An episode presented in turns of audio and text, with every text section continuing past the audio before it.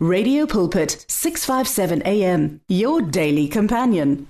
Eh lochani baz, bazalwane emakhaya eh, nani balaleli nilotshiswa ngumfundisi uMahlangu nginilochisa ngisuka emhathweni omkhulu ePitoria iRadio Pulpit sisehlelweni ikonzo ngibawa ke balaleli nilise konke nikwenzako nani bazalwane sihlephule izwi lenkosi kanye kanye egameni elinamandla lenkosi yethu Jesu.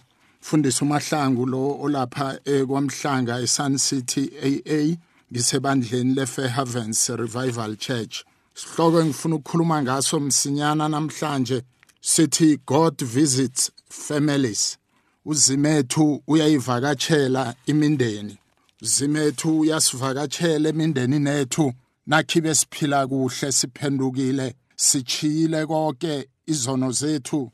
Safuna ubuso bakhe. Nasifunda izwi lenkosi ngelimi lesiyeni lifundeka ngalendlela silithola encwadini kaLuka okuthoma eh isahluko sokthoma iverse ngo68 Blessed is the Lord God of Israel for he has visited and redeemed his people. Ngibawa sivala amehlo sikhuleke egameni elinamandla lenkosi ethu Jesu Kristu. Baba namhlanje ekseni siza phambi kwakho siyakhuleka. Baba unguzimu wena wedwa akekho ufana nawe.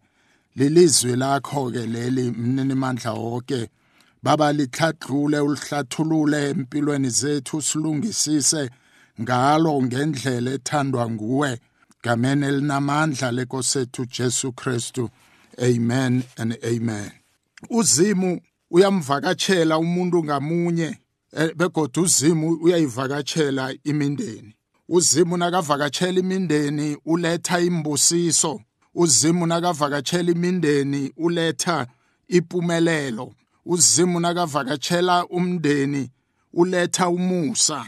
Uzimu unguzimu womhawu nguzimu onomhawu nesihe. Uzimu nakasivakatshelako namtshana uzimu nakavakatshela imindeni ethu ezizwini esilifundileko lithi izwi lenkosi akabusiswe uzimu oyinkosi kwa-Israyeli noma nguzimu uzimethu oyinkosi kwa-Israyeli. Ngombana uvakatshele abantu bakhe begodu wabachaphulula. Uzimu uyafuna ukuvakatshela omunye nomunye umndeni ophila ke phasini uzimu uyafuna ukuvakatshela umndeni akho inkinga oqalene nazo ukuthwenywa abantwana nokuthwenywa babantu ukungaphumeleli empilweni kufuna bonyana sifune ubuso bukazimu sichidele kuye khulu njengabantwana bakwa-Israyeli abachidela kuye bafuna ubuso bakhe. Uzimethu wabavakatshela waphilisa abantu bakhe. Kungenzeka uphakathi kwesimo mlaleli nawe mzalwane ekhaya simo sokugula noma isimo sasemara lapha amanzi ayababa. Simo sempilo yakho asithokozisi. Simo sempilo yakho asitshengisi bonyana umntwana kazimo namhlanje ngize ukumemezela ngilethela umlayezo ukuthi uzimethu unguzimu wesivumelwano unguzimu wesivumelwano esitsha egazini lenkosi yethu Jesu Kristu unguzimu ofunako ukukuvakatshela wena njengobaba noma njengoma wekhaya lakho. Uzimu nakavakatshela wena uvakatshela lonke ikhaya lakho. Abantwana bakho bayokuthola ukuphumelela abagulako bayokuphiliswa laba banenkinga ziyokusuka. Nedi kuphela nakungaba nguwe ufuna ubuso bukazimu umbawe ukuthi akuvakatshele njengoba kwabanjalo ngabantwana bakwa-Israyeli. Sebahlutshiwe ezweni laseBhabhiloni balila kuzimu uzimu wabenzela umusa. Kwabanjalo kubantwana bakwa-Israyeli nabasekuthunjweni ezweni laseGibhitha uzimu wezwa ukulila kwabo nokuhlutshwa kwabo wehla uzimu wazobakhulula. Nathi bazalwane siyafana. Nabantwana bakwa-Israyeli sizithola sisezimeni ezibudisi. Kukhona izinto ezisithumbileko kukhona izinto ezisibophileko kukhona izinto ezingasinikeli ukuthokoza empilweni zethu. Kodwana namhlanje ungathokoza. Ukwazi ukuthi uzimethu unguzimu wesivumelwano. Uzimethu unguzimu wesivumelwano sakhe nawe for umndeni wakho. Na unesivumelwano unguma ungubaba usekhaya lakho. Yazi ukuthi na ufuna ubuso bukazimu uphenduke ezonweni zakho uphile kuhle impilo phambi kwakazimu ulalele yonke imithetho yakhe bewuyenze. Uzimu muhle ulungile uzolikhambela ikhaya lakho. Ngithe mina uzimu nakakhambela ikhaya lakho ufika lapho aphilise abagulako ufika lapho asindise labo abasenkingeni ufika lapho alethe ukuthula. Alethe ukuphumelela egameni nasegazini lenkosethu Jesu Kristu. Ukuvakatshelwa nguzimu bazalwane yinto eqakatheke khulu noma yinto eyenza omunye nomunye wethu athokoze abone ukuthi uzimu umberegela kuhle. Kunemindeni eminingi nemiphakathi eminingi uzima ivakatsheleko uzima uvakatshela umuntu ngamunye avakatshele ikhaya avakatshele isitshaba avakatshele inarha avakatshele iphasi lonke uzimu uyafuna nawe ukukuvakatshela. Ukuvakatshelwa nguzimu sikhathi esibekwe nguzimu. Ukuvakatshelwa nguzimu sikhathi esingekhe saguqulwa umuntu uzimu nasekafikile afuna ukuzokubusisa. Uzimu nasekakubonile nawe ukuthi ufana noJobe. Uzimu uzokwehlela kuwe uzokuvakatshela ikhaya lakho. Izwi lenkosi nasilifunda lapha encwadini yezenzo. Isahluko 3 verse 19 ufundeka ngalendlela uthi phenduka ubuyele kusomnini. Izono zakho ziza kususwa noma ziza kuhlanjululwa uzimethu ngeke asivakatshele singakasuka ezonweni zethu. Zimethu ngeke asivakatshele singakaphenduki ngeqiniso. Loyo naloyo okholwa nguye fanele akholwe kuye ngeqiniso kanye nangomoya. Ngoba bazalwane isikhathi sesifikile ukuthi uzimethu avakatshela imindeni ethu iphase esiphila kilo liphase lonakeleko. Phase esiphila kilo liphase ligqwele ubudlwangudlwangu. Iphase esiphila kilo liphase lingamthokozisi uzimo. Ngakho-ke nathi singazitholi sihlangana nalabo abangamthokozisi uzimo. Izwi lenkosi lithi ubusisiwe uzimu wakwa-israyeli uzimu ovakatshela abantu bakhe begodu beyabaphilise. Beyabachaphulule emhluphekweni noma emhlagweni. Abachaphulule kikho konke okubathwenyako. Umunye nomunye wethu okholwako umunye nomunye wethu osindisiweko omamukela uJesu njengenkosi nomsindisi unelungelo noma unegunya noma kunesikhathi lapho uzima afuna ukukuvakatshela kodwana ukuthi ujame njani naye ngikhe kubalulekileko izwe silifundile manje kuzenzo zabapostoli lithi phenduka besele ubuyela kusomnini. Nawenze njalo uzimakho uyozisusa izono zakho aphinde akulethele inkathi zokuthokoza ezivela kuzimu. Uzima uyafuna ukusivakatshela bazalwane. Uzima uyafuna ukuza emakhaya wethu balaleli. Uzima uyafuna ukuba yiphathi yempilo yakho kodwana uzimethu nasifunda izwi lenkosi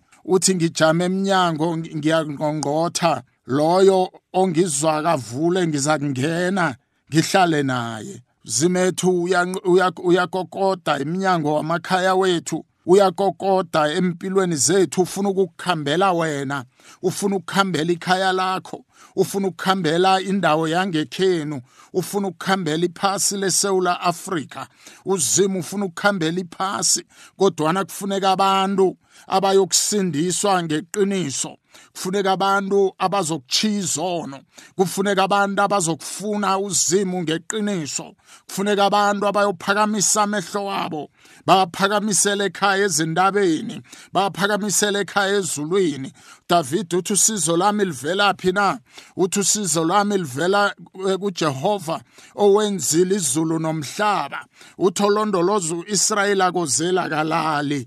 Uzimu nakafuna ukukuvakatshela ngebanga lokubana wenze kuhle uzokuvakatshela. Iba naleyo tshisakalo mlaleli. Iba naleyo tshisakalo mzalwane ukuthi uphile kuhle endleleni yakho yokukholwa. Ushizono zakho buyelane nozimu. Uzima ufuna ukulukhambela ikhaya lakho. Uzima ufuna ukufika kuwe. Uzima lapha afika khona njengoba wafika enaheni yakwa-Israyeli wafika wabavakatshela. Nakasuka waphilisa bonke abantwana bakwa-Israyeli. Egade bagula baphila. Egade banenkinga zasuswa babuya ngitsho nasekuthunjweni ngombani uzimu abavakatshele. Zimu nakazokuvakatsha uvakatsha ngebanga lokuthi wena uhlonipha isivumelwano onaso naye. Uzima kamvakatshela umuntu ongafuni ubuso bakhe. Uzima ukuze akuvakatshele. Bazalwana avakatshela ikhaya lakho avakatshele umndeni akho avakatshele indawo yangikhenu avakatshele lapho niberega khona. Uzimethu ufuna abazalwane abazombawa bakholelwe kuye. Ukuthi uzima uzowuvakatshela umndeni ami. Kholwa nawe namhlanje. Guqula impilo yakho uphenduke ubuyele kusomnini. Uthi usomnini na ubuyela kuye? Izono zakho ziyokususwa. Uthi na ubuyela kuye? Uyoninikeza ingikhathi zokuthokoza. Bazalwane ukuthokoza kwethu kukhambile. Isitha sikwebile. Uzima kasakhoni ukuvakatshela imindeni ethu ngombana uzimo wephaseli uNkulunkuluwana wephaseli uphuphuthekise ingqondo zethu. Uzimo wephaseli wenze ukuthi singabuboni ubukhulu bakazimu odalile izulu nephasi. Uzimo ophilako uzimo ongekhe alinganiswa nabanye abosingazimu. Lo wethu uzimu nguzimo onamandla uthi uzimu nakakuvakatsheleko nakafikile akuvakatshele ekhayeni lakho uzokubona ukuthi uzokuchaphululwa ekubotshweni. Uzimu nakafikileko uzokuchaphululwa ekubotshweni imimoya yobumnyama. Uzimu nakafikile uletha iphuluso uletha isindiso kulelo khaya. Uzimu nakafikile uzokumemezela ukwahlulelwa phezu kwezitha zakho nalabo abalwa nawe. Uzimu nakafika akhambela impilo yakho akhambela ikhaya lakho akhambela indawo ophila kiyo akhambele iphasi leSouth Africa uzimu ufaka impilo etsha kithi sonke nanoma impilo yakho bese kuthiwa bodohotera bathi ugula kakhulu ngekhe usaphila wakhanjelwa nguzimu. Uzimu ukuchiyela impilo etsha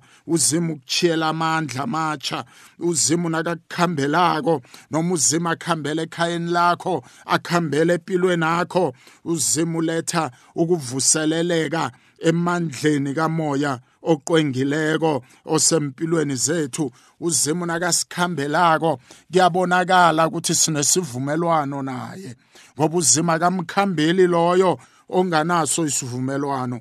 Fanele sibe nesivumelwano nozimu senzele imindeni yethu. Sifike sibe sesivumelwaneni nozimethu bese uzima avulela amandla amakhulu phezu kwempilo zethu. Zimu wathembisa u-abrahama wathi kuye phuma ezweni lekhenu ezweni lapho kade kukhona ukuqindezelwa ezweni lapho bekukhona khona umthlago wathi phuma abrahama ngikusendaweni lapho ngiyokwenza wena ube nguyise wezizwe eziningi. Uzimu nakakuvakatshelako noma uzimu nakavakatshela kwa-Israyeli noma avakatshela inaga bekaletha ukukhululwa.